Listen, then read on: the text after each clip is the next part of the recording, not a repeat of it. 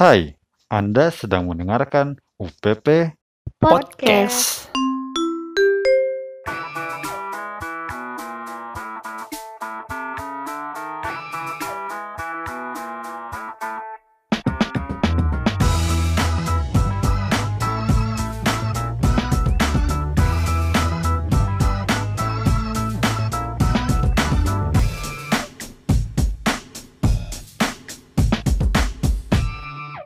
Hai friend, ketemu lagi sama saya, Faren Budatama Segala di UPP Podcast. Kali ini kita kedatangan tamu yang sangat spesial, yaitu Fauzia. Hai Fauzia.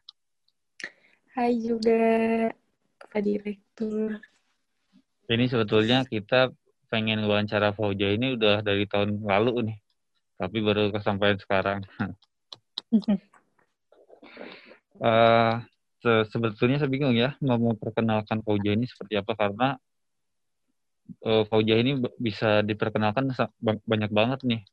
Yang pertama Fauzia itu dia pernah apa sih yang di Papua aja? Eh?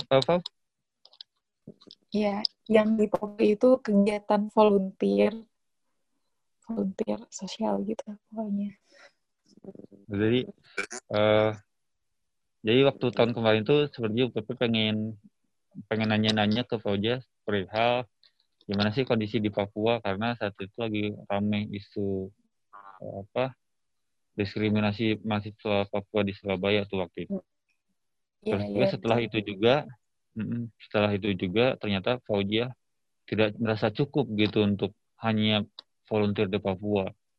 Akhirnya eh, Fauzia berangkat lagi nih untuk melakukan kegiatan volunteer di Thailand ya Fauzia. Iya, betul. Itu aja sih kalau misalkan volunteer, aku teh pernah ikut tiga. Yang pertama teh Hmm. yang ke Raja Ampat, yang kedua teh eh, di Jakarta, Pandulut Nusantara. Jadi nanti kegiatannya teh selalu bareng Kementerian Kelautan. Jadi emang eh, kemarin juga bareng Bu Susi sama influencer-influencer artis gitu kayak gitu-gitu. Terus yang ketiga itu yang volunteer internasionalnya sekalian juga studi eksklusi ke Kaset Art University itu. Hmm. Terus juga selain kegiatan volunteer juga eh, Fauzia itu ikut aktif lomba ya Fauzia. Eh, kamu tuh ikut pernah Ya. ikut lomba apa aja sih bang? Kalau nggak, em, kalau nasional baru pernah ikut yang debat debat ke UNY itu yang juga tiga terus dilanjut debat di UIN Malang itu ini sih eh, cuma masuk top 4 gitu. Terus yang ketiga ini apa debat yang di UI yang juara satu. Nah, belum cukup sampai situ. Baru-baru ini eh Fauzia itu sedang sedang lagi eh proposal kegiatan mahasiswanya itu lolos untuk didanai ya, Pak. Iya alhamdulillah tahun ini. Yang bernama Civic Reksa. Nah, ntar kita pengen nanya-nanya tah. Tapi sebelumnya saya pengen nanya dulu nih.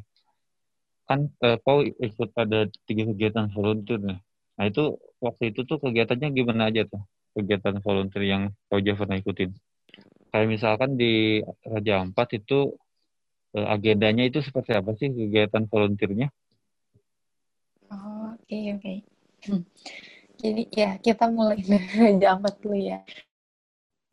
Jadi kalau di Raja Ampat itu kita kegiatannya emang terbagi dulu kan. Ada beberapa divisi itu.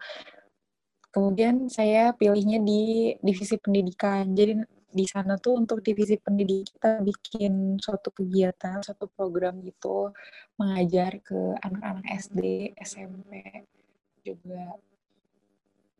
Terus juga bikin semacam kayak pojok baca gitu, terus eh, distribusi buku, kemudian barang-barang untuk pokoknya kayak peralatan sekolah gitu lah.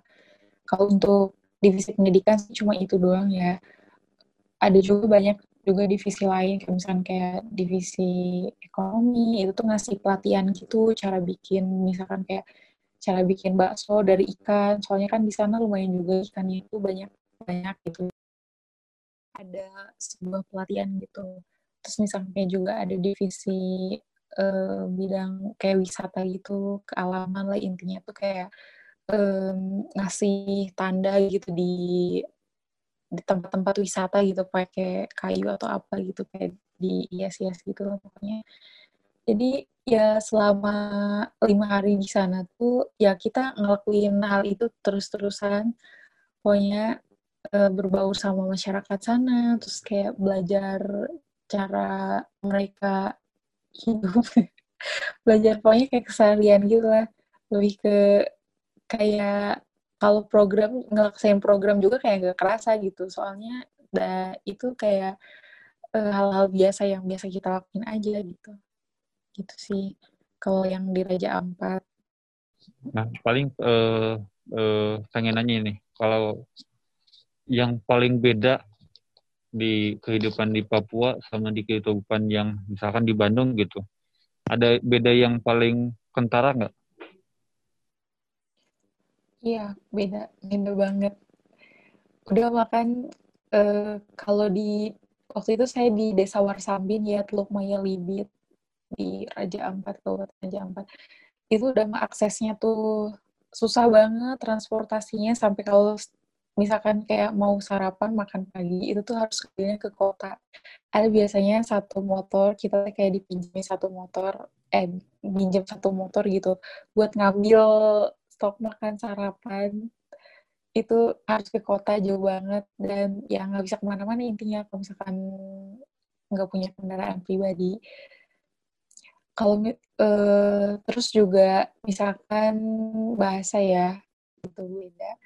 Tapi masih bisa inilah sedikit-sedikit gitu karena mereka tuh bahasa Indonesia-nya kayak bahasa Indonesia baku gitu nggak kayak kita kayak gimana ya soal-soal gaul gitu mereka tuh lebih ke bahasa Indonesia yang baku gitu. Terus kalau misalkan apalagi ya um, keseharian gitu paling anak-anaknya tuh sekolah siang gitu terus kayak pulang terus main terus apa uh, nyari ikan terus misalkan ke kampung sebelah kayak gitu gitulah dan kalau misalkan di desa saya tuh waktu itu itu tuh semuanya Kristen gitu. Nggak ada yang Islam. Jadi yang Islam tuh beda kampung. Ada namanya kayak kampung Islam gitu. Nah di situ banyak nah di situ semuanya Islam gitu. Ada masjid juga. Tapi kalau yang di desa yang saya tempati waktu itu nggak ada itu. Terus kalau malam tuh aktif. Emang aktif. Maksudnya kayak uh, emang aktif banget misalkan kayak sering tidurnya malam banget gitu kayak jam masih dini hari gitu kayak masih pada ini masih pada nongkrong gitu si bapak-bapaknya. Dan kalau di sana kita tuh kayak harus mulai duluan gitu nyapa mereka gitu sama pagi gitu kayak gitu gitu harus nyapa duluan. Kalau misalkan enggak tuh kayak ya udah gitu cuek aja gitu. Kayak gitu sih ada ada ini nggak? Ada sesuatu hal yang ber, baru kamu tahu ke sana nggak? Kayak misalkan stigma masyarakat orang timur di, di di Jawa khususnya itu kayak gini. Tapi waktu ternyata kamu ke sana ternyata kok nggak kayak gitu gitu? Ada nggak yang kayak gitu? Mm-mm, ada sih. Kan kalau misalkan kita lihat kan waktu itu kan uh, waktu pas ada kericuan ya, ya ini kayak takut gimana gimana gitu kan tawuran atau gimana. Enggak sih sebenarnya ketika kita ke sana mereka tuh kayak ya udah open aja gitu. Kayak karena kita ke sana tuh datangnya dengan baik-baik terus kayak memperlakukan mereka juga dengan baik ya mereka juga kasih feedback gitu ke kita tuh hal yang sama gitu. Makanya ketika ada kerusuhan ini ini sebenarnya kayak biasa aja kok mereka tuh sebenarnya gitu nggak kayak gitu.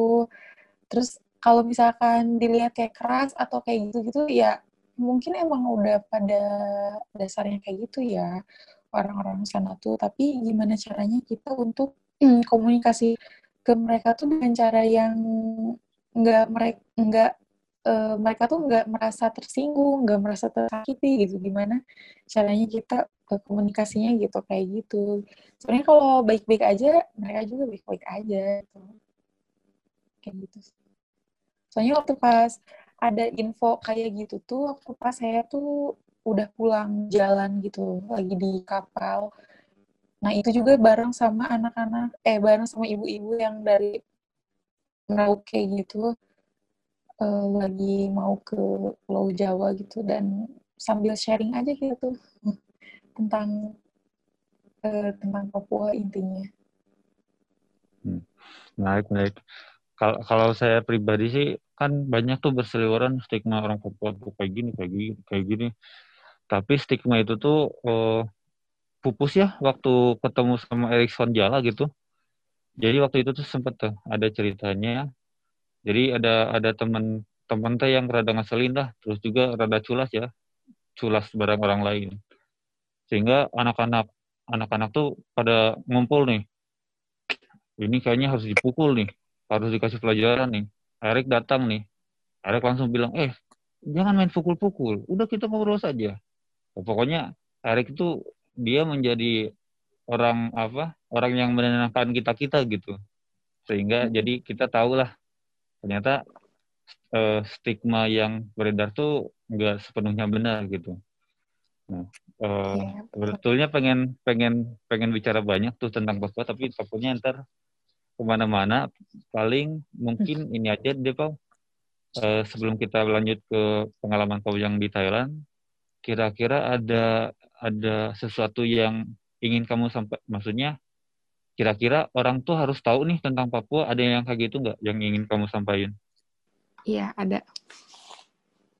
Jadi pokoknya uh, kita tuh emang gak bakal pernah tahu gitu misalkan kita nggak uh, pernah ngerasain mau kita ngomong inilah itulah. Kalau misalkan mereka nggak pernah ngerasain ya susah juga gitu.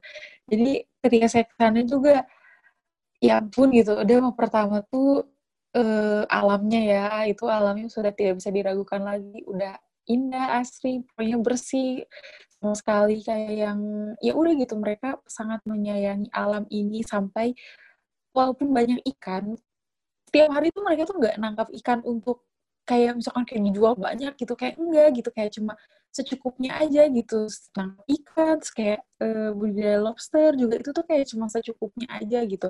Terus masih pokoknya masih sayang banget gitu ke alam tuh.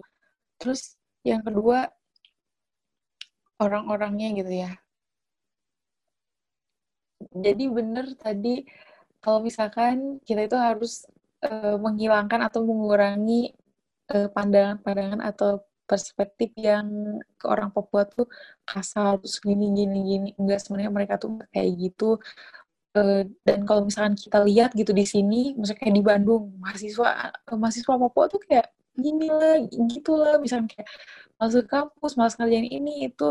Sebenarnya kalau misalkan untuk uh, saingan di daerahnya, setahu saya ya, mereka tuh sama-sama gitu, uh, sama-sama ada keinginan juga untuk kayak maju gitu, untuk ya untuk sama kayak kita gitu. Mereka juga ada hal yang kayak gitu. Dan tapi kalau uh, misalkan melihat kenyataan yang sekarang itu saya nggak tahu ya faktor apa mungkin karena individunya sendiri gitu atau apa gitu.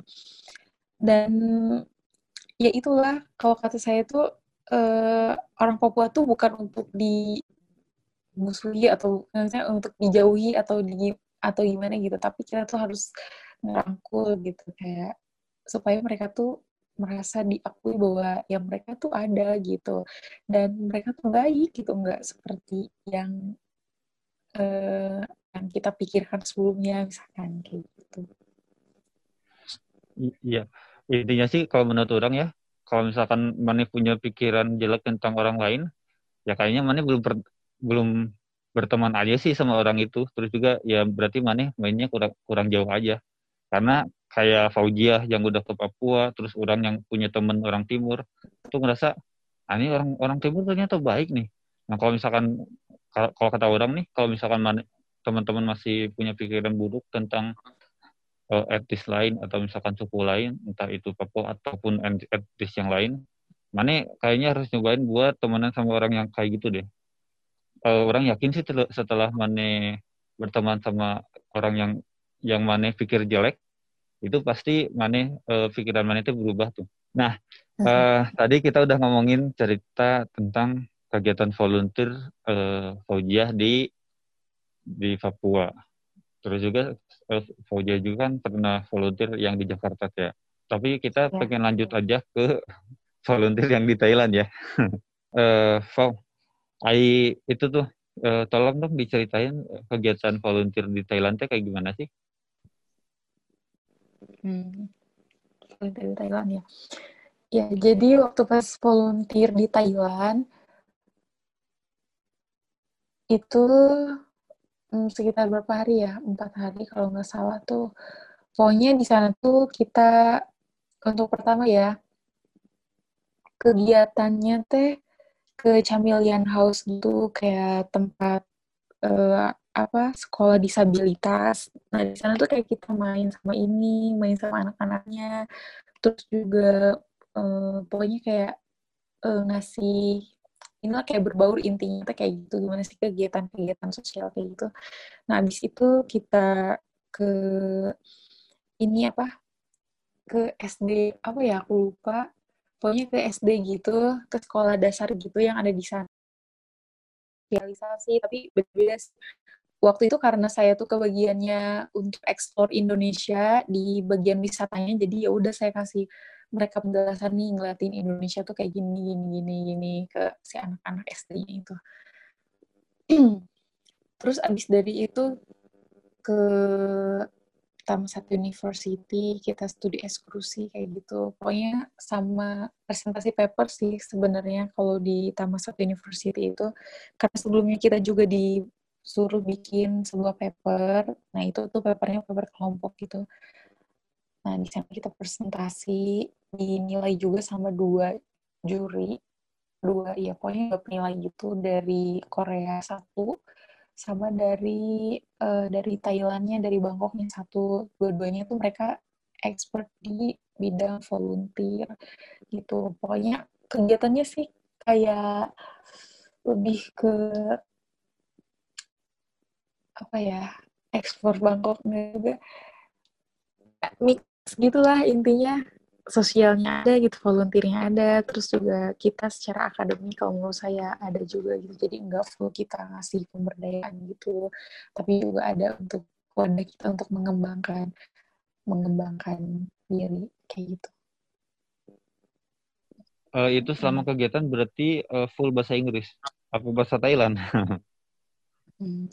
Kalau untuk ke anak-anak kayak disabilitas gitu kita kan didampingin juga kan sama orang-orang ininya ya kita pakai bahasa Inggris tapi di ini gitu di apa ya pakai bahasa Translate. isyarat juga ah. pokoknya kayak gitu ya hmm. kalau di pas ngajar di sekolah dasarnya kita pakai bahasa Inggris pakai bahasa Inggris dan di trans di translate juga sama gurunya gitu untuk anak-anak sananya. Hmm. Uh, uh, ada hal yang menarik nggak dari Thailand kalau misalkan dibanding sama Indonesia? Hal menarik banyak ya. Kalau untuk iklim sih sebenarnya sama aja ya. Udah makan uh, waktunya juga sama, nggak ada perbedaan. Iklim sama, tapi di sana tuh kayak panas gitu. Walaupun uh, bila walaupun mereka bilangnya, iya sekarang tuh lagi musim uh, lagi musim semi katanya tapi ya musim semi juga panas gitu. Kayak bukan ini. Terus kalau makanan sih iya pasti beda banget ya. Walaupun di sana ada nasi gitu tapi beda lah intinya. Kalau kata Padu itu kalau kata Padu itu katanya eh, di sana tuh kayak pakai hoje gitu setiap makanan. Iya emang bener. Jadi kayak ngerasa kayak apa gitu kayak aneh gitu loh. Enak tapi kayak ada aneh-aneh gitu undahnya gitu Terus juga kalau misalkan makanan kita bisa ya kuliner. Terus kalau di sana tuh banyak seafood, apalagi waktu itu waktu pas saya ke Catucak. Catucak tuh kayak sebuah pasar gitu dan itu adanya tuh weekend aja. Dan di sana tuh murah-murah, terus juga banyak olahan seafood kayak cumi apa-apa pokoknya semuanya seafood lah. Nah, karena di Thailand tuh pakainya baht kan mata uangnya, jadi emang lebih murah kalau misalkan kita udah nukerin rupiah ke baht tuh beli apa-apa gitu kayak bayar apa gitu. Itu lebih murah gitu dibandingin kalau kita bayarnya pakai rupiah di sana gitu. Kayak gitu. Hmm. Uh, dan kemarin juga ini yang jarang orang ini itu bareng sama Safira kan? Iya benar. Shout buat Safira. Nah, eh, mungkin paling yang buat Thailand nih ada yang kayak pengalaman menarik nggak yang buat diceritain? Oh iya, ada. Jadi setiap kita pergi kan waktu itu uh, kita pergi naik ini ya, naik apa tuh namanya BTS namanya tuh kayak kereta gitu, pokoknya kereta cepat gitu. Jadi kalau misalkan setiap kita pergi, orang-orang tuh nyangkanya kita tuh orang Thailand. Jadi apalagi kalau misalkan naik taksi, kita misalkan kayak ngomongnya nggak misalkan kayak nggak ngomong apa-apa gitu kan, diam aja. Terus nanti orang-orang Thailandnya tuh selalu bilang pakai bahasa Thailand. Terus kita udah excuse me? Oh katanya teh oh bukan orang Thailand intinya teh iya bukan. Tapi kayak mungkin mukanya ya mukanya tuh masih kayak yang muka-muka orang Thailand gitu. Terus sih. Selalu kayak gitu aku juga aneh uh, tapi emang kamu ngerasa uh, muka kalian tuh ngerasa sama? Sebenarnya kalau ngerasa enggak sih ya. Kan beda beda-beda juga. Ada yang mungkin kayak uh, Thailand Cina terus kayak masih kayak Chinese Chinese gitu. Mm-hmm. oh yang mana sebenarnya uh, kalian berdua rada ini ya rada rada agak beda lah ya. Orang Thailand tuh kebanyakan agak sipit juga sih matanya. Kalau misalkan aku lihat mah entah itu mungkin hanya di beberapa tempat atau atau atau semuanya gitu hmm. selama aku ke sana gitu. Tapi emang kalau misalkan mungkin secara keseluruhan memang mukanya kayak sama gitu, kecuali pas ngomong gitu, oh jadi beda. uh, menarik. Nah, di kedua kegiatan itu tuh yang uh, Papua sama juga yang di Thailand, itu tuh gimana tuh cara daftarnya? Hmm. Kalau yang jadi uh, kan setiap NGO itu punya administrasinya masing-masing ya. Ada yang misalkan kayak uh, harus ini lah harus itu lah gitu. Jadi kalau misalkan di yang pas ke Papua itu itu tuh di, uh, kita daftar daftar terus udah gitu uh, wawancara. Nah habis itu baru deh ini apa tuh namanya hmm, itu kalau misalkan kayak lolos ke tahap selanjutnya lolos ke tahap selanjutnya gitu kita wawancara ada juga misalkan kalau misalkan kita lolosnya self funded gitu atau maksudnya partial funded itu berarti kita kalau partial funded berarti kita setengahnya dibayarin. Kalau misalkan fully funded sepenuhnya dibayarin. Kalau misalkan self funded kita yang bayar gitu. Nah waktu pas aku ke Raja Ampat itu itu tuh self funded tapi karena self fundednya ngajuin proposal juga ke Unif gitu jadi tertutupi gitu intinya kalau untuk ke kalau untuk ke Thailand itu karena emang jalurnya mereka tuh self funded semua jadi waktu pas ke Thailand tuh emang mereka nggak buka buat free funded gitu karena emang beber ada beberapa batch gitu ada.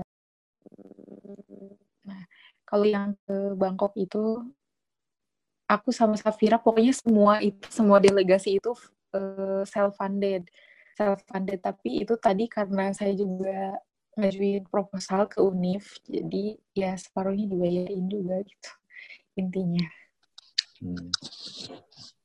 nah itu teman-teman sebuah kiat ya untuk teman-teman kalau misalkan mau ikut ikutan kegiatan volunteer yang tadi Fauzia udah ceritain. Nah kita beralih ke kegiatan ke selanjutnya nih sebelumnya udah uh, tentang volunteer selanjutnya kita mau membahas nih tentang PKM yang sedang dikerjain sama Faujiah yaitu namanya Civic Reksa ya. Iya, iya. Benar. Nah, uh, bisa ini nggak bisa dijelasin detail nggak? Soalnya kan saya masih cuma dari berita nih. Civic Reksa ini aplikasi seperti apa? Oke, okay, jadi uh, untuk anggota PKM ini aku punya dua anggota. Yang yang anggota satu itu Gabriela angkatan 19 PKM terus yang kedua itu Andrian Yusuf uh, anak sosiologi angkatan 17 jadi Civic Rexa itu adalah sebuah aplikasi uh, untuk penamaan sendiri ya. Civic Rexa Rexa itu berasal dari singkatan yang dari kata operator operator vacationis dari bahasa Latin yang artinya itu penekan pelecehan. Jadi emang untuk ide uh, reksanya ini, eh sebelum itu ya maaf. Jadi Civic Reksa itu adalah aplikasi pengaduan yang nantinya bisa digunakan oleh siswa sekolah untuk melakukan pengaduan itu kalau misalkan ada tindakan-tindakan pelecehan seksual gitu. Entah itu pelecehan secara verbal maupun secara fisik gitu jadi untuk tingkatannya juga itu beda-beda beda-beda penanganan. Kalau misalkan kayak masih rendah gitu masih bisa ditangani intinya sama internal sekolah sama guru BK-nya itu nanti ditangani lewat guru BK nanti uh, setiap tingkatannya itu beda-beda penanganan dan beda-beda pasti beda-beda kasus juga. Nah untuk aplikasi ini tuh selain kita bisa melakukan pengaduan ke adminnya gitu maksudnya pengaduan intinya juga menyediakan fitur-fitur lain. Jadi emang uh, beda gitu. Kita buatnya itu ngerekonstruksinya itu beda. Artinya penyempurnaan dari penelitian-penelitian sebelumnya. Karena juga kalau misalnya kita lihat ada juga yang melakukan penelitian sama gitu dan menghasilkan sebuah aplikasi juga, aplikasi pengaduan pelecehan seksual. Tapi ini kita uh, konstruksinya beda. Selain bisa pengaduan juga, aplikasi Reksa ini bisa melakukan simulasi moral. Jadi nanti di dalamnya tuh bakal ada banyak soal-soal tentang psiko eh, psikis eh, kayak psikotes gitu, tapi psikotesnya ringan lah ya eh, tentang pengetahuan seksualnya, terus kayak kegiatan-kegiatan, terus tindakan-tindakannya, pokoknya menyangkut simulasi moral lah ya. Simulasi moral, kemudian juga ada information mengenai seks, uh, mengenai seputar kasus atau misalkan informasi-informasi tentang pelecehan seksual kayak gitu. Terus juga ada sex education, terus ada games juga. Jadi emang aplikasi ini tuh karena uh, dibuatnya untuk digunakan oleh remaja gitu ya. Jadi seasik mungkin bisa dan senyaman mungkin bisa digunakan eh bisa iya pokoknya ketika digunakan tuh nyaman dan enggak ngerasa bosan gitu. Makanya kita sediain fitur-fitur itu gitu. Games kayak gitu. Nah, menarik menarik. Nah sebelum kita uh, mengetahui lebih lanjut ntar terkait maksudnya fitur-fitur dari Civic Reksa ini pengen tahu dulu nih. Ini kan Civic PKM Civic Resa ini dia masuk ke PKM PESA. Nah, seperti yang kita ketahui, PKM PESA ini biasanya banyak tuh isu-isu yang menarik. Salah satunya isu yang diangkat sama Civic Resa yaitu tentang pelecehan seksual. Nah, ini berangkat dari mana sih? Kenapa tiba-tiba kepikiran untuk membuat suatu aplikasi tentang pelecehan seksual? Jadi idenya tuh emang untuk PKM itu adanya di saya ya karena uh, saya tuh melihatnya bahwasannya pelecehan seksual itu kan ada dua kasus yang sangat-sangat penting gitu, sangat-sangat urgent dan sangat-sangat merugikan gitu, entah itu ke korban, apalagi ke korban, terus juga ke pelakunya. Nah, kemudian juga saya teh e, melihat bahwasannya pelecehan seksual saat ini tuh tidak hanya terjadi di ruang di ruang publik, misalkan kayak cuma di kereta atau di bus kayak gitu-gitu, tapi terjadi di sebuah lembaga di mana lembaga ini tuh uh, menjadi lembaga yang harus sebenarnya harus aman dan safety gitu. Ya safety.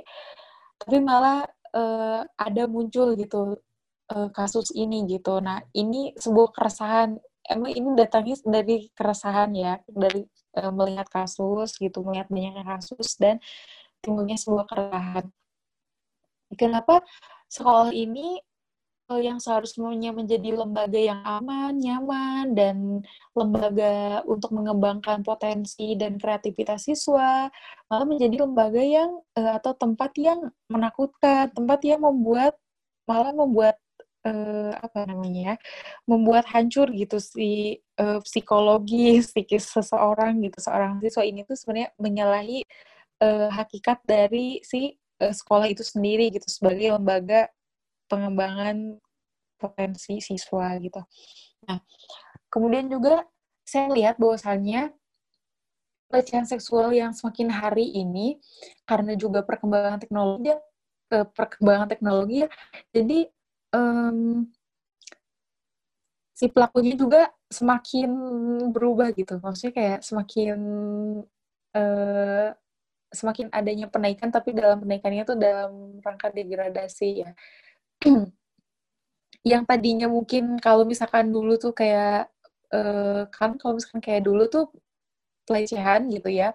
Pelecehannya mungkin dalam artian bercandaan gitu kayak misalkan kayak dilakukan oleh teman kita sendiri gitu secara verbal misalkan kayak gitu. Atau uh, misalkan kayak fisik juga kayak jarang-jarang lah gitu.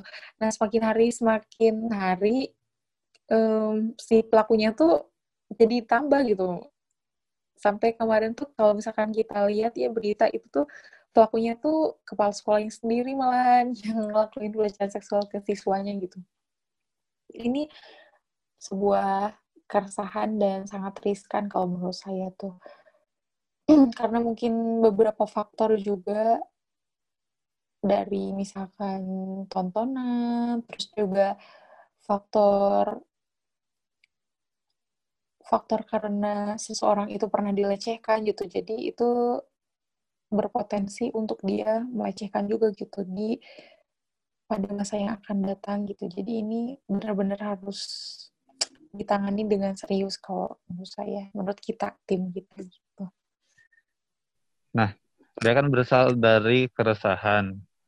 Lalu saat setelah dari keresahan dia dilanjutkan menjadi program kreativitas mahasiswa.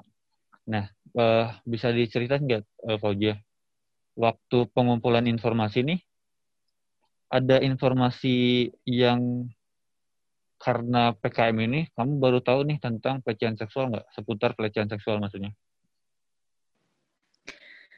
Jadi kalau untuk aku ya PKM ini, jadi karena pakai PKM-nya itu terhalang oleh pandemi, jadi semua sistem, eh semua uh, kegiatan kan didaringkan gitu. Nah, termasuk PKM juga.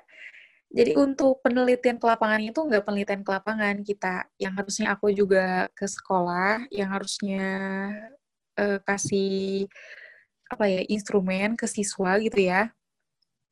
Enggak gitu. Jadi kita semuanya ya seluruh pokoknya seluruh PKM ini senasional pokoknya. Jadi pengumpulan datanya itu data sekunder. Jadi kita cuma nyari dari jurnal tentang seputar tentang tema-tema eh judul-judul yang kita bawa gitu di PKM. Jadi paling kalau misalkan tentang yang pelecehan seksual di sekolah ya, pelecehan seksual di sekolah. Itu banyak sekali informasi yang didapat gitu walaupun em studinya hanya literatur gitu. Nah itu dari internasional maupun dari nasional. Jadi memang uh, kita melihat pada eh, secara dasarnya dulu ya, kayak misalkan kayak faktor apa sih yang mempengaruhi pelecehan seksual, terus kayak um, intinya tuh kenapa gitu seseorang itu melakukan hal seperti itu. Pokoknya beragam banget ya uh, hasil yang kita dapatnya. Kalau menurut saya sih yang paling berpengaruh itu adalah dia uh, jadi 90% orang menurut jurnal yang saya baca ya, menurut jurnal yang diperoleh waktu itu, jurnal internasional dari Amerika, menurut dia menurut mereka tuh 90% anak itu pernah uh, pernah ngalamin yang namanya pelecehan seksual. Jadi untuk uh, untuk merehabilitas diri sendiri itu, misalnya kayak supaya dia tidak melakukan hal seperti itu lagi ke orang lain, itu sebenarnya butuh kesadaran diri dan butuh dukungan lingkungan gitu. Jadi kalau misalkan lingkungannya juga tidak mendukung dia untuk uh, melakukan perbaikan gitu ya secara uh, personal gitu, dia bakal melakukan hal yang sama gitu di kemudian hari, bakal melakukan uh, tindakan pelecehan seksual juga gitu. Nah, kalau misalkan kita compare juga ke saat ini gitu, nah ini kan zamannya digital ya, serba digital gitu. Nah ini juga salah satu faktor gitu. Ada yang waktu itu kasus ya pernah uh, siapa tuh uh, anaknya yang punya kosan itu ngelecehin ibu-ibu yang ngekos di situ bayangin. Ibu-ibu yang ngekos di situ bukan anak. Ya kayak ibu-ibunya tuh ngontrak di situ terus kayak sama anak yang punya kosan itu bahkan anaknya tuh masih remaja gitu ngeleceh melecehkan. Coba bayangkan gitu. Karena dia uh, dia bilang bahwasannya karena saya tuh abis nonton film ini jadi kayak saya tuh pengen ngeaplikasiin gimana tuh caranya uh, intinya ngepraktekin gitu. Si anak itu bilangnya kayak gitu waktu pasti ini di kepolisian kan jadi kalau misalkan emang saat ini tuh karena itu pengaruh tontonan, terus kayak pengaruh uh, pokoknya kayak pengaruh budaya juga, hmm, kayak karena ya pokoknya sosok kebarat-baratan bisa jadi kalau menurut saya tuh gitu. Terus hmm, apa lagi ya? Jadi oh ya oke. Okay. Selanjutnya Nah, untuk pelecehan seksual ini, apalagi gitu di sekolah, si guru tuh kayak beberapa guru atau mungkin beberapa sekolah ya kayak tertutup gitu. Artinya tidak mempermasalahkan e, mereka tahu sebenarnya terjadi pelecehan seksual, tapi mereka tuh kayak nggak mau hmm, apa ya kayak nggak mau terlibat gitu. Kayak ya udah itu mah mungkin inilah gitu. Ya udah mungkin itulah gitu. Cuma kayak sekilas-sekilas gitu doang lah menurut jurnal yang aku baca juga entah itu di internasional ya. Gitu. Jadi pihak sekolah tuh sebenarnya tahu gitu tindakan itu adalah tindakan pelecehan seksual tapi kayak tidak ingin menindaklanjuti gitu. Makanya mungkin uh, menurut saya ya pelecehan seksual yang terup sekarang itu misalkan sampai ke berita gitu di TV di televisi itu tuh sebenarnya kayak bukan sekali dua kali gitu uh, ngelakuin itu gurunya. Beberapa kali mungkin sampai pada titik si anak itu merasa bener-bener nggak kuat gitu untuk kayak untuk menerima perlakuan seperti itu gitu. Makanya uh, speak up gitu. Kalau menurut saya sih seperti itu. Terus hmm. apa ya? Sebenarnya banyak sih ya yang kayak yang oh ternyata gini oh ternyata gitu. Pokoknya ya secara singkatnya kayak gitu. Tentunya hmm. menarik menarik. Nah tadi tuh di, di akhir disebutkan kalau misalkan apa terjadi pelecehan seksual di lingkungan sekolah dan terasa dibiarkan uh, sama pihak sekolahnya. Nah, atas atas peristiwa itu uh, makanya Civic Reksa mengcover ya bagian itu yaitu bagian pelaporan tentang pelecehan seksual khususnya di sekolah ya. Iya. iya. Uh, Gimana tuh sistem pelaporannya? Apakah? Oke, jadi untuk aplikasi ini kita tuh ada beberapa apa ya? Ada beberapa subjek ya yang maksudnya kayak yang memiliki peran lah ya di pengawasan aplikasi ini. Yang pertama itu uh, saya sendiri gitu tim gitu sebagai pengawas pengawas pengawas aplikasi itu. Terus juga sekolah kemudian juga kita juga ber bekerja sama sama LPPM terus juga uh, sama beberapa uh, apa tuh namanya komunitas gitu. Biasanya komunitas kayak uh, kumpulan penyintas gitu. Penyintas iya penyintas. Penyintas gitu.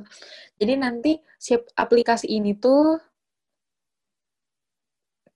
bakal dikelola sama sekolah gitu khususnya sama guru BK jadi si guru BK ini uh, sekolah ini bakal login sebagai sekolah, sebagai sekolah yang nantinya di bawahnya itu akan mengakomodir um, siswa-siswa gitu. Adanya ada kalau misalkan kayak masuk pengaduan kayak gitu-gitu nanti bakal diterima gitu oleh sekolah. Tapi kalau misalkan secara sistem tuh oke. Okay, uh, nanti bakal ke adminnya dulu gitu ke aplikasi eh ke admin ya admin keseluruhan gitu ya ke sistemnya itu ke sistemnya dulu nanti baru disalurkan gitu ke sekolah nanti si anak ini bakal diarahkan untuk mendownload aplikasinya pertamanya. Karena aplikasinya ini baru kita proyeksikan untuk Play Store, belum ke App Store. Jadi ya untuk ke Android gitu ya, baru hanya tahap ke Android. Si anak ini bakal download, kemudian nanti login, login menggunakan namanya, nama lengkapnya, terus juga mengisi kelas, tempat tanggal lahir, kemudian email, nomor telepon, alamat, itu sih, ya, enam itu. Nanti setelah login, setelah membuat akun, nanti akan terverifikasi uh, lewat nomor telepon yang tadi diketikkan, itu nanti bakal muncul sebuah kode yang nantinya bakal jadi kode uh, untuk dia masuk ke aplikasinya gitu. Untuk setiap kali mau masuk ke aplikasinya dia tuh selalu pakai kode itu. Atau untuk melakukan pengaduannya pas melakukan pengaduannya. Jadi nanti setelah itu masuk ke beranda nanti di situ siswa tuh bakal ngeliat menu-menu tadi ya pengaduan terus simulasi moral terus juga informasi sex education sama games siswa bakal ngeliat menu itu Pertama, untuk menu pengaduan, nanti kalau misalkan uh, siswa mau melakukan pengaduan, dia nanti bakal diarahkan untuk mengisi nama, nama pengadu. Di situ emang opsinya nama pengadu, nama pengadu. Misalkan A gitu. Nanti selanjutnya dia disuruh untuk menceritakan kronologi. Ada kolom kronologi. Jadi nanti kronologi itu dia menceritakan ya tadi apain aja, terus uh, pas ngapain, terus diapain, terus pas ini gimana-gimana, pokoknya kayak gitu kronologi. Nanti setelah mengisi kronologi, siswa juga harus mengisi uh, apa ya, oh, pelaku atau yang melakukan tindakan intinya. Di situ teh opsinya tuh kela, uh, kelas, eh nama kelas sama jabatan. Jadi kenapa ada jabatan? Karena ya tadi ya bisa aja gitu. Uh, malah perangkat sekolah yang aku ini. Jadi di situ ada opsinya jabatan misalkan kayak uh, siapa gitu jabatannya ini misalkan kayak guru guru bahasa Inggris atau guru bahasa Sunda kayak gitu atau misalkan uh, tukang bersih bersih sekolah gitu atau misalkan temen S eh misalkan si Andi misalkan Andi uh, kelas 7 kayak gitu atau misalkan kayak kelas 12 IPA 1 kayak gitu Nanti setelah itu disubmit, dikirim, nanti bakal ada verifikasi ke nomor teleponnya bahwasannya pelaporan ini sudah diterima dan nanti uh, menunggu untuk ditindak lanjuti selanjutnya gitu. Hmm. Nanti uh, untuk sistem ini tuh bakal ngirimin informasi informasi ini ke pihak sekolahnya. Jadi nanti uh, si anak ini tuh bakal dikasih pokoknya dikasih pengarahan sesuai dengan kronologinya. Kalau misalnya kayak pelecehannya cuma secara verbal dan itu ringan ya udah gitu ditanggap uh, apa ditanganinya lewat personal gitu. Intinya sih sebenarnya uh, uh, apa ya aplikasi pengaduan ini se-private mungkin gitu. Ini tuh kayak buat semua orang buat semua siswa tapi ini tuh uh, privacy gitu. Soalnya kita tuh kadang orang tuh nggak mau speak up tuh karena pertama tuh takut malu terus kayak takut eh malu terus takut kayak gitu. Jadi ini uh, emang privacy banget gitu. Nah menarik menarik. Tadi juga Fauja udah sebutin tentang terkadang pelapor ini dia malu. Nah memang seperti yang kita tahu bahwa terkait pelecehan seksual ini masalah terbesarnya itu adalah korban itu takut untuk melaporkan kasus yang terjadi padanya gitu. Nah, menurut Foja sendiri, sebagai bagaimana besar sih, bagaimana efektif civic reksa ini untuk mengatasi permasalahan tersebut, yaitu malu dan juga setelah informasi diberikan nih, dan juga kan katanya tadi diterimanya sama guru BK. Nah, setelah itu informasi itu ke mana lagi tuh? Kalau misalkan tadi udah disebutin kalau misalkan untuk kasus ringan dia akan uh, dikomunikasikan. Nah, kalau misalkan kasus berat itu tindak lanjutnya seperti apa gitu? Hmm, Oke. Okay.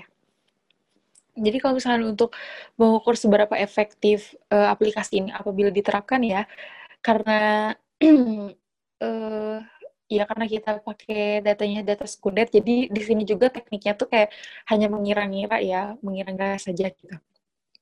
Jadi kalau menurut saya ini tuh bakal efektif karena uh, pertama kita tuh bakal ngebangun iklim sekolah yang safety gitu. Artinya sebelum itu tuh nanti kita tuh bakal ngasih sebuah kayak bukan pemberdayaan ya, kayak pokoknya kayak sosialisasi gitu ke anak-anaknya, terus ke sekolahnya. Artinya gini, sebelum ada tindakan itu tuh kayak dengan adanya sosialisasi, dengan adanya aplikasi ini, pihak pihak-pihak yang semuanya di lingkungan sekolah itu bakal ngerasa yang pertama itu mereka kayak terawasi gitu segala tindakan apa pun. Karena apa? Karena takut dilaporkan gitu oleh siswa gitu. Setelah kita bikin iklim yang baik gitu ya di sekolah di sekolah itu kita juga ngasih edukasi gitu ke siswa. Ya sebenarnya ini tuh hmm, apa ya kayak semacam uh, sex education juga bukan sih. Pokoknya intinya ya kalau misalkan kayak ada apa-apa gitu pokoknya harus bilang gitu intinya tuh kayak gitu. Dan itu nanti kita lakuin secara uh, continue gitu. Continue untuk ke untuk ke siswanya terus um, kalau untuk guru BK-nya nah karena si guru BK ini adalah pemegang aplikasinya kita juga selalu mengarahkan atau selalu memonitori gitu. Karena ini kayak jantungnya gitu di si di sekolah ini tuh jantungnya tuh berada di si guru BK itu. Jadi sebisa mungkin guru BK-nya tuh harus yang yang yang bukan galak ya. Jadi kayak yang terbuka terus kayak ya bisa mengayomi lah intinya teh mengayomi siswa-siswanya gitu. Kayak gitu.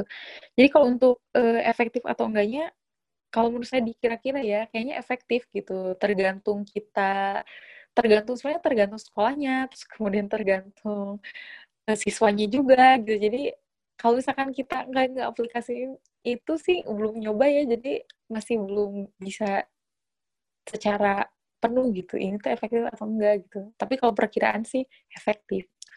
Seperti itu. Ya. selanjutnya tadi eh, ketika eh, pengaduan ini diterima oleh sekolah ke mana lagi disalurkannya jadi nanti secara sistem tuh eh, untuk sistem pendamping kasus tuh uh, maksudnya kayak tim saya gitu itu tuh um, melakukan selalu melakukan pengawasan gitu. Maksudnya kayak aktivitas-aktivitas yang dilakukan di dalam aplikasi itu gitu di sekolah tuh. Misalnya kayak berapa pengaduan ini ini ini nah kalau misalkan untuk tingkat yang berat misalkan uh, udah masuk ke ranah ini yang lakuinnya misalkan gurunya gitu. Nah nanti guru ini yang bakal uh, kasih laporan gitu ke kita gitu ke tim. Kalau misalkan ada pelecehan ini ini ini. Nanti untuk tim ini bakal uh, melakukan koordinasi juga sama LPPM UPI. Jadi di situ kan di LPPM UPI itu ada sebuah pemberdayaan. Nah, kalau misalkan di situ uh, masih belum bisa ditangani, kita pindah ke tingkatan yang lebih tinggi gitu ke Komnas itu perlindungan anak. Komnas Perlindungan Anak Indonesia yang di Jawa Barat itu kita udah koordinasi jadi memang ada tingkatan jadi kayak nggak langsung sekolah langsung ke ke PAI tapi ada tingkatannya gitu. Sesuai dengan kasusnya kalau misalnya emang bisa ditanganinya sama sekolah bisa ditanganinya sama LPPM gitu itu kita tangani dulu gitu. Seperti itu.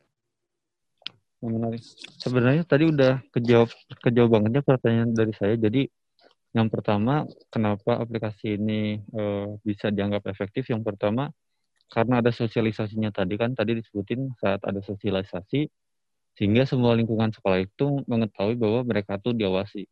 Yang kedua juga, dia efektif karena dia uh, merupakan suatu aplikasi ya, jadi nggak usah nggak usah datang ke tertentu ke sebuah tempat tertentu, misalkan ke ke kepolisian kah jadi dia tinggal melalui aplikasi yang sifatnya uh, melalui gadget masing-masing dan sifatnya pribadi seperti itu ya iya iya nah untuk hmm. untuk Civic Rexa itu dia eh, ditargetkan apakah hanya untuk siswa aja kah atau bisa untuk masyarakat luas juga? Ya. Kalau untuk sejauh ini mah ya fokus kita tuh untuk si pengelolaan aplikasi ini butuh effort lebih, butuh pengawasan lebih juga gitu uh, untuk di lingkungan sekolah karena kan lingkungan sekolah aja gitu kita tuh misalkan berapa sekolah gitu untuk uh, pertama kali kita uh, mensimulasikan aplikasi ini teh misalkan kayak di 10 sekolah yang ada di Bandung. Nah, itu tuh kan butuh ini, butuh apa ya? Uh, harus termonitori lah intinya harus termonitori dengan baik gitu. Jadi mm-hmm. sejauh ini memang kita memang tim kita itu uh, fokusnya di pendidikan dulu sebelum terjunnya ke masyarakat yang lebih luas. Itu. Mm-hmm. Nah, lalu juga jadi selain selain pelaporan juga aplikasi ini juga memuat beberapa informasi. Nah, kira-kira informasi-informasi seperti apa sih yang ditargetkan untuk ada di Civic Reksa? Informasi informasinya itu misalnya kayak eh, misalnya kayak perkembangan kasus pelecehan seksual di Indonesia misalkan eh, berapa persen gitu. Terus juga misalkan di luar negeri di secara internasional gitu berapa persen jumlahnya. Terus juga uh, informasi-informasi apa ya pokoknya tentang pelecehan seksual sih kayak gitu. Hmm. uh, nah selanjutnya sebagai pembuat aplikasi Civic Rexa nih menurut Fojia stigma-stigma apa aja nih yang harus kita lawan? Seperti uh, setuju nggak uh, fobia sama stigma kalau misalkan pelecehan seksual itu terjadi karena uh, korban yang berpakaian minim atau misalkan ada stigma-stigma lain ya yang misalkan uh, itu nggak setuju tuh. Hmm, iya ya, oke. Okay. Jadi kalau misalkan kayak itu mah lebih ke kayak faktor ya. Karena ya, sebelum kita tahu nih kenapa ini terjadi ya kita harus tahu dulu faktornya entah itu kenapa seseorang itu dilecehkan secara verbal faktornya itu apa kenapa seseorang itu dilecehkan secara fisik faktornya itu apa jadi memang ada beberapa stigma yang eh, apa ya melihat bahwasannya kayak itu benar tadi. Yang pertama seseorang itu dilecehkan karena dia itu berpakaian minim. Sebenarnya ini merupakan menurut saya ya itu stigma yang tidak bisa dibenarkan karena um, dari hasil penelitian, dari hasil penelitian gitu, kemudian dari hasil ya hasil kajian literatur itu tuh hanya ada beberapa yang mengatakan hal seperti itu dan itu juga e, dikatakan bahwasannya terjadi terjadinya pelecehan itu karena ada sesuatu yang menonjol dari si korban itu gitu entah itu misalkan pakaiannya entah itu uh, tingkah lakunya atau apa itu ada sesuatu yang membuat menarik gitu untuk si pelaku melakukan hal seperti itu gitu. Kalau kan tadi kayak yang kayak minim, soalnya itu sih kayak nggak bisa ini juga. Orang tuh kan berpakaian itu kayak terserah gitu. Mungkin kalau menurut saya kayak kalau misalkan itu hanya uh, masih di batas wajar gitu, masih di batas wajar, itu tidak bisa menjadi faktor pelecehan seksual gitu. Karena faktor pelecehan seksual itu bisa bisa aja gitu ada pada diri orang itu gitu. Karena faktor internal secara personal orang itu karena kalau misalkan kayak kita lihat aja waktu itu pernah ada kasus pelecehan seksual di kereta. Ibu-ibu. Dia tuh ibu-ibu dan sama anaknya tapi pakai kerudung juga. Dan menurut uh, orang yang lihatnya si ibu-ibu ini pakai pakaiannya biasa aja. Panjang terus kayak nggak ketat tapi dia tetap aja dilecehkan. Makanya stigma itu uh, stigma berpakaian minim itu sebenarnya uh, harus maksudnya nggak bukan menjadi hal yang utama gitu orang itu dilecehkan kayak gitu ya menarik menarik banget ya jadi kadang bingung juga ya korban tuh perempuan tapi yang disalahin perempuan juga yang salah laki-laki, yang disalahin perempuan. Kadang memang suka aneh. Nah, eh, selain itu juga, menurut Hoja, penting seberapa penting sih uh, sex education itu? Karena kan banyak orang yang bilang kalau misalkan terjadi maraknya pelecehan seksual itu karena uh, minimnya sex education bahkan di tingkat sekolah. Nah, menurut Foja ini seberapa penting sih sex education dan khususnya di tingkat sekolah dan kalau misalkan menurut Foja penting, kira-kira sudah sejak kapan nih uh, anak-anak sudah mulai diajarkan untuk tentang sex education? Jadi kalau misalkan kita tanya uh, sex education itu penting, penting banget. Tapi harus di memberikannya itu secara tepat juga oleh orang yang tepat, kemudian juga cara memberikannya juga sehingga tidak ada informasi yang um, intinya tidak ada penafsiran yang berbeda gitu dari yang seharusnya. Kalau misalkan uh, ditanya kapan sih harus dilakukan sex education ya, tentu aja gitu jawabannya itu sejak dini, sejak dini karena sejak pada saat itu anak tuh harus diajarkan gitu um, mana organ yang tidak boleh disentuh, mana orang organ yang boleh disentuh. Maksudnya wal sekali sekalipun gitu itu kayak sama ayahnya, sama ibunya atau sama saudaranya gitu ada beberapa titik yang nggak boleh disentuh hanya kita aja gitu yang boleh gitu. Gitu. Itu penting banget sejak dini ditanamkan sex education. Kemudian kalau misalkan kayak keadaan di ketika SMA gitu ya, ketika SMP atau SMA gitu. Mungkin sex education-nya lebih ditanamkan pada cara defense, bukan cara defense, ya kayak sebelum kita melakukan hal ini, kita tuh tahu akibatnya, eh, eh ketika kita melakukan hal ini, kita tahu akibatnya akan seperti ini, kayak gitu-gitu dan selain tadi ya titik-titik yang nggak boleh disentuh kayak apa gitu. Kan kalau misalkan kayak remaja kayak gitu udah tahu ya. Kalau menurut saya sih udah tahu gitu. Kecuali emang bener-bener nggak tahu. Gitu. Tapi emang harus tetap di, diberikan sih diberikannya secara tepat gitu. Kan kalau misalkan kayak pelajaran biologi juga kan ada kan. Tapi itu mas secara ini ya sih secara umumnya gitu. Ini sex education itu penting penting diberikan. Karena kalau maksudnya di Indonesia kan uh, pentingnya nih sex education dimasukin ke dalam kurikulum, wah banyak banget perdebatannya pro kontra lah. Ini sampai kayak ada emosi kalau pas debat tuh ada emosi itu sex education segala. Menurut saya sih penting-penting aja selama itu di um, diberikannya secara tepat gitu. Gitu. Nah mungkin terakhir tadi Fauzia secara disiplin ya dia selalu memasukkan unsur-unsur akademiknya. Nah, mungkin ini ini pertanyaan pertanyaan apa? Sebagai pertanyaan terakhir saya ingin Fauja eh, menjawab dengan sebebas-bebasnya lah.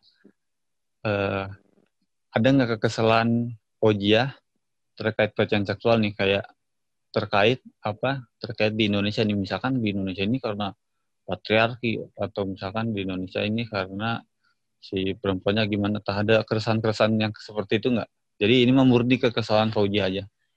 Konvensional gitu. Kayak udah pada tingkatan yang parah baru di up baru diberikan ini gitu. Padahal kita nggak tahu gitu di dalamnya itu mungkin juga pak uh, ada beberapa kasus yang yang butuh butuh penanganan gitu. Tapi kayak yang tidak terkoordinir gitu terakomodir istilahnya tuh kayak gitu. Dan karena mungkin penanganan kasusnya tuh langsung kayak yang harus ke ke atas gitu jadi kayak susah gitu. Dan gimana ya? Dan si misalnya kayak sekolahnya juga gitu ya sekolahnya kayak dari pemerintah tuh kayak nggak dikasih bawa gitu kayak gimana gitu itu kayak ditangani secara sendiri aja gitu sama si muridnya kalau misalkan dia kena pelecehan seksual kayak gitu gitu pokoknya kayak masih kayak masih ya udahlah bodo amat gitu. Kecuali mau udah parah gitu atau kayak berani gitu kan si orang tuanya gitu nge ngelaporin hal ini gitu baru ditindaklanjuti kayak gitu sih. Ya, uh, itu ya tadi menarik banget tuh obrolan kita sama Faujia. Yang pertama tadi kita udah udah dapet tuh insight Fauzia tentang volunteer yang pertama di Thailand, eh, di Papua, selanjutnya juga ada juga sebenarnya di Jakarta, namun juga kita ber, berlanjut ke yang Thailand. Selanjutnya juga kita berbicara tuh tentang terkait apa Civic Reksa dan semoga juga program Civic Civic Reksanya lanjut ya sehingga bisa iya, bermanfaat bagi bagi siswa khususnya ya. Ya. Ya, makasih banget Fauzia telah mampir nih. Kita rekaman nih jam 23.58 luar biasa ya. ya, uh, Fauzia sebelum uh, ditutup nih, ada kata-kata yang pengen disampaikan nggak untuk sebagai penutup? Uh, iya, paling ini sih uh, aplikasi Fikreksa ini hanya digunakan untuk perempuan ya, jadi laki-laki juga bisa menggunakannya gitu. Pokoknya intinya semua siswa gitu karena tadi pelecehan seksual itu kan nggak terjadi hanya untuk perempuan aja. Kalau misalkan dilihat dari stereotip gender laki-laki juga bisa dilecehkan seperti itu. Pokoknya. Jadi nggak hanya fokus ke yang perempuannya aja sebagai makhluk yang sering dilecehkan gitu, sering menjadi korban gitu. Tapi laki-laki juga tidak menuntut kemungkinan, menutup kemungkinan. Udah gitu aja. Menarik banget tuh. Sebenarnya itu poin yang penting banget tuh. Jadi nggak cuma perempuan aja tuh yang dilecehkan laki-laki juga dapat tuh pelecehan sehingga untungnya Civic Rexa ini mengcover dua-duanya tuh. Uh, udah terima kasih banget uh, Fauzia. Uh, paling ada mungkin yang mau dipromosin nggak? Hmm, udah sih, udah cukup. Apa misalkan follow IG, Twitter? Kalau IG, uh, IG sama Twitter uh, ininya sama kok. Fogia Pai, Fogia pakai J ya. Pai, Fogia Pai disatukan. Nah, itu dia di follow tuh teman-teman. Jangan lupa juga follow UPP bisa dibuka di UPP underscore Hemcia. Itu aja mungkin UPP podcast dari kali ini. Saya Faren Bunatama serta Fojia juga sebagai narasumber. Pamit undur diri. Ciao.